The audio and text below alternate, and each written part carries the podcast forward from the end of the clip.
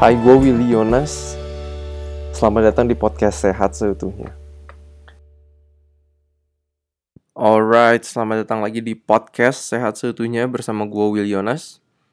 Di podcast kali ini, gue akan ngebahas satu topik yang adalah favorit gue.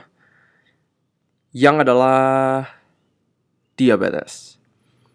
Kenapa ini topik favorit gue? Karena I have such a burden for diabetes karena gue ngeliat nenek gue punya diabetes uh, salah satu kakek gue juga uh, beliau meninggal karena serangan jantung setelah memiliki diabetes yang bertahun-tahun karena serangan jantung adalah efek jangka panjang jika seseorang memiliki diabetes dan tahukah kalian kalau diabetes itu adalah penyebab kematian nomor 3 di Indonesia setelah stroke dan penyakit jantung. Dan banyak sekali kemungkinannya, tinggi kemungkinannya kalau orang yang meninggal karena stroke atau sakit jantung bisa juga punya diabetes. Inilah topik yang bakal gue explore hari ini.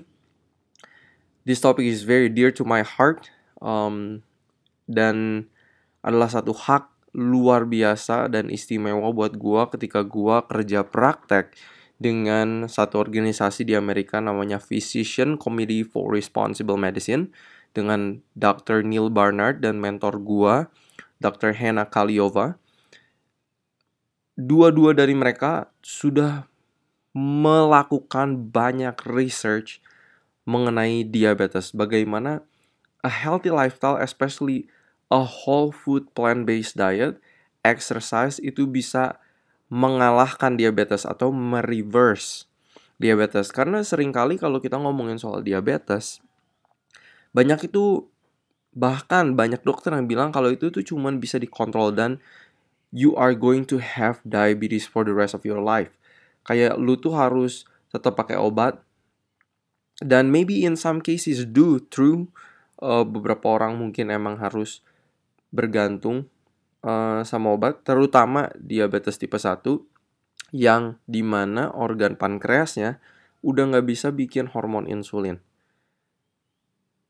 Kita bakal bahas lebih banyak mengenai ini, apa itu hormon insulin, uh, dan lainnya mengenai diabetes. Inilah yang bakal kita explore. So, diabetes, diabetes itu sering dikenal sebagai penyakit gula. Gula darahnya tinggi, atau enggak sering juga dikenalnya sebagai kencing manis.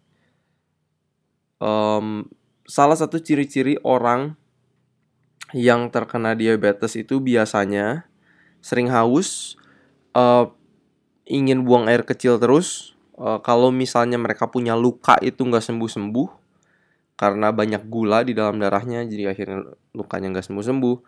Uh, mata buram itu juga bisa salah satu efek dari diabetes, lemes karena gula darah mereka itu terus ada di peredaran darah nggak masuk masuk ke si sel otot makanya kenapa mereka lemes walaupun udah mereka mereka itu udah makan tapi mereka ngerasa lemes terus. Nah mereka juga biasanya sering merasa lapar karena mereka udah makan tapi makanannya nggak masuk masuk ke si sel otot dan ngerasa kayak nggak punya energi. Of course karena gulanya itu nggak masuk masuk ke si sel otot. Nah um, jangka panjang dari diabetes ini, ini yang jadi masalah. Jangka panjang diabetes, efeknya itu adalah ke penyakit kardiovaskular, yaitu ke sakit jantung, ke sakit stroke, udah gitu luka nggak sembuh-sembuh, udah gitu pendengaran pun bisa terganggu. Ini juga bisa ke Alzheimer disease juga. Udah gitu bisa ke gagal ginjal, kerusakan di organ ginjal juga bisa karena lama-lama filter ginjal kita itu kayak filter bisa jebol karena gula darahnya itu terlalu banyak di dalam darah kita. Udah gitu, uh, nerve damage, uh, saraf-saraf juga bisa rusak. Jadi kaki rasa baal, tangan rasa baal atau pertamanya mungkin tuh kayak um, dibilangnya tingling sensation kalau di bahasa Inggris. Jadi um, atau enggak juga bisa uh, yang nenek gua alamin itu setiap kali dia jalan kakinya itu rasanya kayak kebakar. So itu salah satu efek jangka panjang diabetes. So of course kalau kita udah punya ini um, itu nggak enak banget uh, kita nggak mau sakit karena uh, I really want to help people who has diabetes atau bahkan mencegah dari diabetes karena gue ngelihat kakek gue sendiri meninggal karena serangan jantung oleh karena efek diabetes yang sudah menahun. So, pertanyaannya, gue bakal kena diabetes gak sih? Kalau misalnya kita overweight, kita gak aktif, jarang olahraga, kalau kita makin tua, kalau kita ada family history, kalau kita kolesterolnya sama trigliserida trigliseridanya itu tinggi. Kalau yang perempuan punya polycystic ovarian syndrome atau PCOS itu juga naikin resiko diabetes. Dan banyak lagi faktor resiko yang lainnya. Tapi yang mau gue bahas di sini adalah the underlying cause of diabetes. Karena banyak orang, oke, okay, diabetes itu disebabkan oleh gula. Jadi kita nggak boleh makan gula. Terus banyak yang bilang, oh kalau udah misalnya udah punya diabetes, buah juga eh, nggak baik, nasi itu nggak baik. Tapi kita bakal lihat sebenarnya apakah karbohidrat atau gula yang menyebabkan diabetes. We will see in this episode.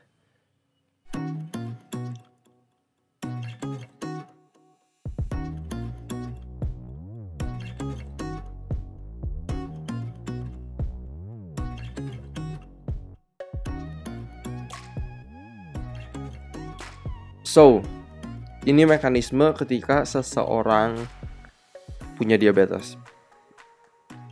Oh, sebelum ke sana gue mau mention satu study. Jadi ada yang namanya Sweeney Study. Ini adalah satu penelitian yang dilakukan 1927. So, jadi ini penelitian sekitar 100 tahun yang lalu. Sweeney Study ini mereka membagi sekelompok anak muda menjadi dua grup. Grup yang pertama mereka itu dikasih makan makanan yang tinggi lemak dan minyak. Jadi yang mereka makan adalah olive oil, minyak zaitun, butter atau mentega, mayones yang dibuat dengan kuning telur, dan juga krim. Ya, kayak krim-krim yang kayak kue, itu yang mereka makan selama dua hari. Oke. Nah, grup yang satu lagi, ini anak-anak muda yang sehat loh ya. Grup yang satu lagi, mereka dikasih makanan-makanan yang tinggi karbohidrat. Kayak gula, permen, kue, roti, roti putih ya kentang panggang, sirup, pisang, nasi putih, oatmeal. Oke? Okay? Atau havermut ya, oatmeal. Menurut kalian, kelompok mana yang terkena diabetes? And surprisingly di dalam penelitian ini dalam dua hari aja ternyata kelompok yang gula darah puasanya itu lebih dari 100, which is 200 rata-ratanya di penelitian kali ini. Itu adalah kelompok yang diberi makan tinggi lemak dan minyak. Wait a minute, bukannya diabetes itu masalahnya gula? Kok orang yang makannya lemak dan minyak malah yang gula darahnya itu tinggi? Sedangkan grup anak muda yang dikasih makannya gula, permen, sirup, roti putih, itu gula darahnya normal di bawah 100 setelah mereka berpuasa. Jadi kayak, wow, wait a minute. Sebenarnya masalah diabetes itu gula, karbohidrat, atau lemak dan minyak. Gue mau ngejelasin fisiologi tubuh kita.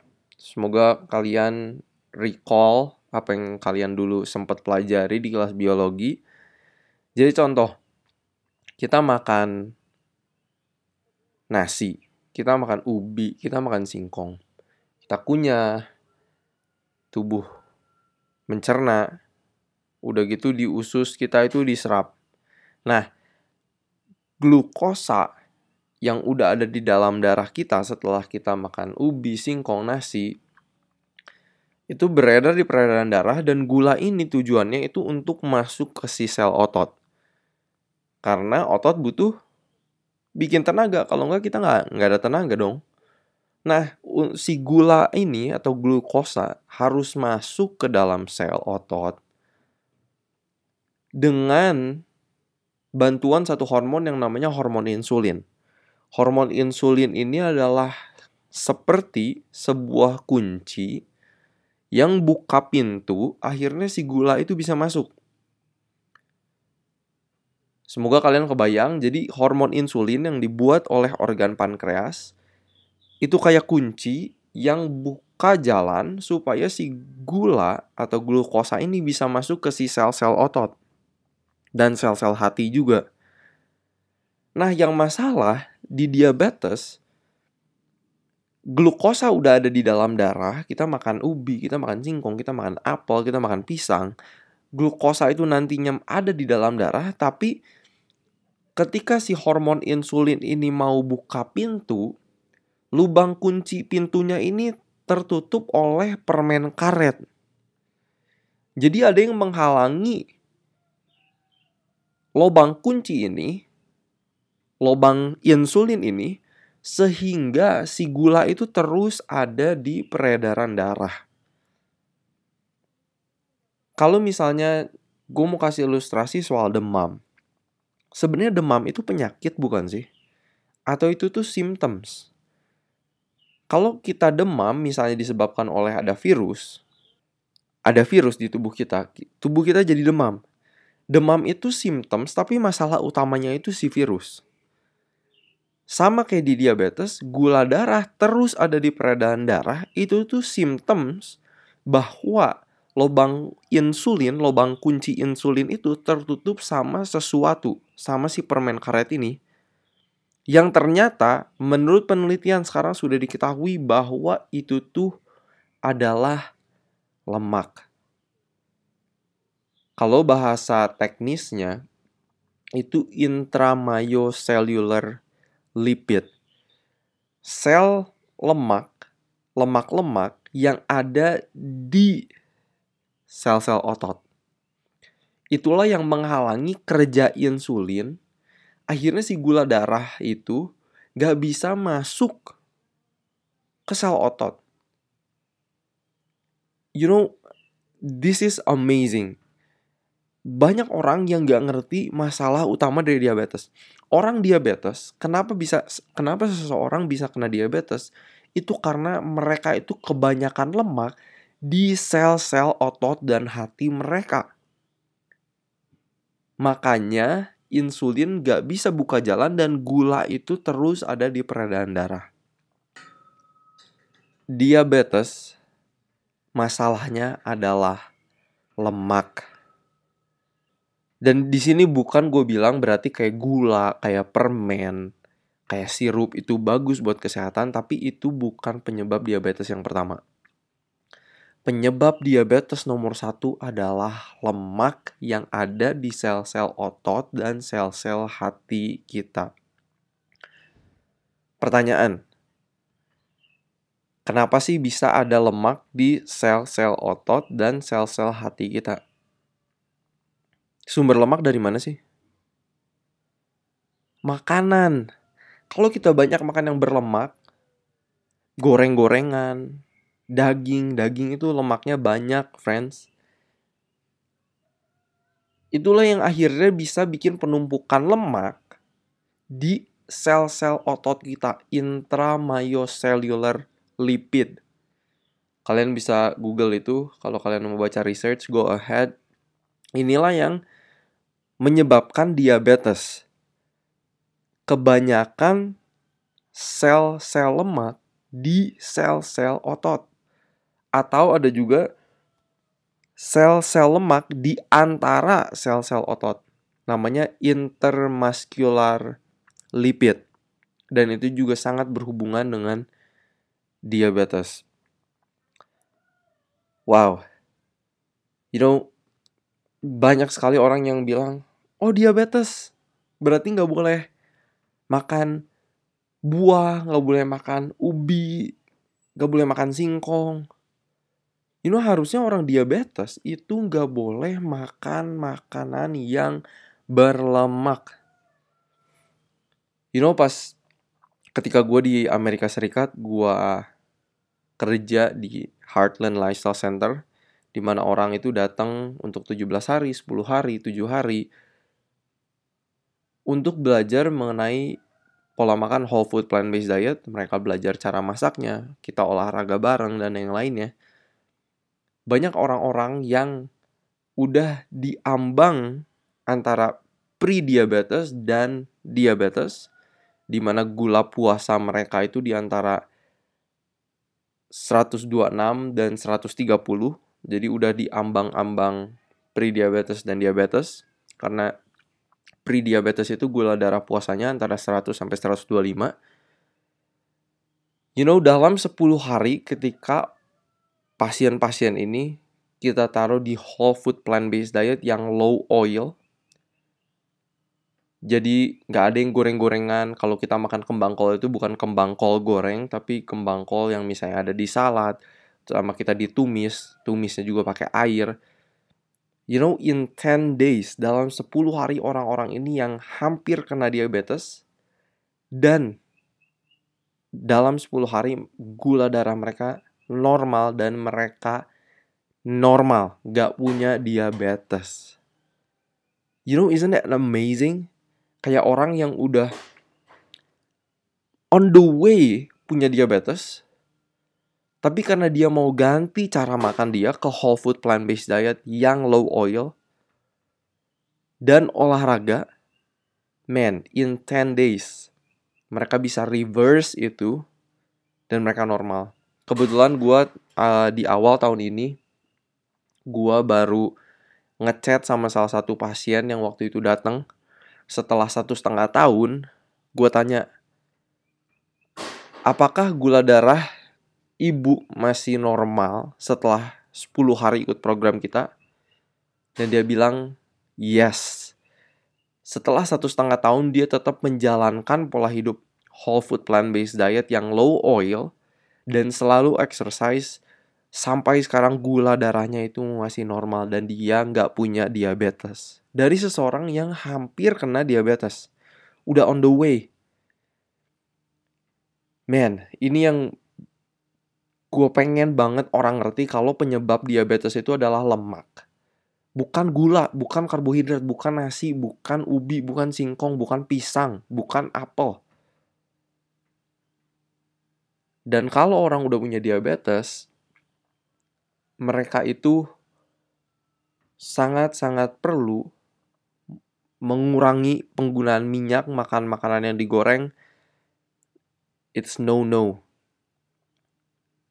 Kalau programnya waktu itu gue jalanin pas di Amerika, they have to eat a low fat whole food plant based diet. Jadi kalau mereka numis itu numisnya pakai misalnya pakai kecap asin, pakai air, nggak pakai minyak sama sekali. And amazing results in 10 days in 17 days. Orang-orang bisa reverse diabetes mereka. Dan yang gue kagum, diabetes adalah salah satu penyakit kronis atau penyakit tidak menular yang merespon sangat cepat dengan perubahan pola hidup. So ini yang mau gue bagikan hari ini. Pertama di minggu ini gue mau ngebagiin apa sih masalah utama dari diabetes which is lemak. Semoga sehabisnya kalian mendengarkan podcast ini, kalian bakal ngerti kalau penyebab diabetes adalah lemak dan bukan karbohidrat. Karena banyak sekali orang yang masih memikirkan atau percaya kalau penyebab diabetes itu gula dan kalau orang udah punya diabetes yang harus dihindari itu yang karbohidrat, gula, buah. Buah aja harus dihindari. Yang mereka harus hindari adalah lemak dan daging dan susu, telur itu makanan-makanan yang berlemak.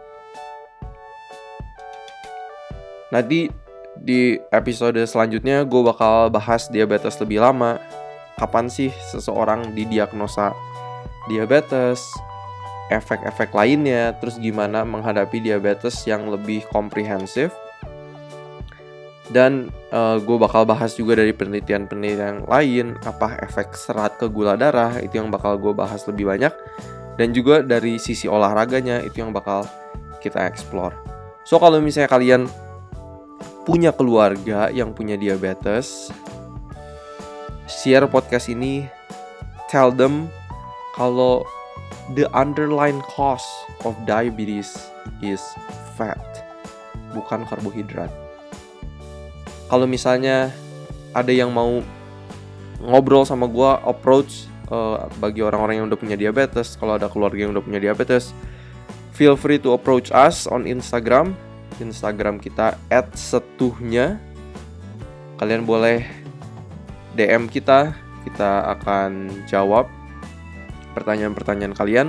Kalau kalian mau dalamin lebih banyak gue saranin kalian baca research research kalian boleh google kata intramyocellular lipid and diabetes kalian boleh search itu di google dan kalian bakal menemukan research research yang luar biasa yang menunjukkan kalau lemak di sel otot dan sel hati kita itulah yang menyebabkan diabetes atau bahasa lainnya itu resistensi insulin. Gue harap podcast ini bakal bermanfaat. Share podcast ini, rate podcast kita di Apple Podcast. Kalian juga boleh follow Instagram gue at willyonas. Dan kalau kalian punya pertanyaan, feel free to approach us. Sekali lagi, dan harapan gue seperti biasa, untuk kalian makan whole food plant-based diet, mulai tinggikan atau naikkan asupan sayur dan buah kalian dan juga makanan-makanan nabati lainnya mulai kurangin makan makanan hewani produk-produk hewani dan kalian tetap olahraga 5 sampai 7 kali seminggu itu adalah targetnya dan juga live well. Manage stress kalian punya relasi yang bagus dengan satu dengan yang lain dan semoga kita sehat seutuhnya.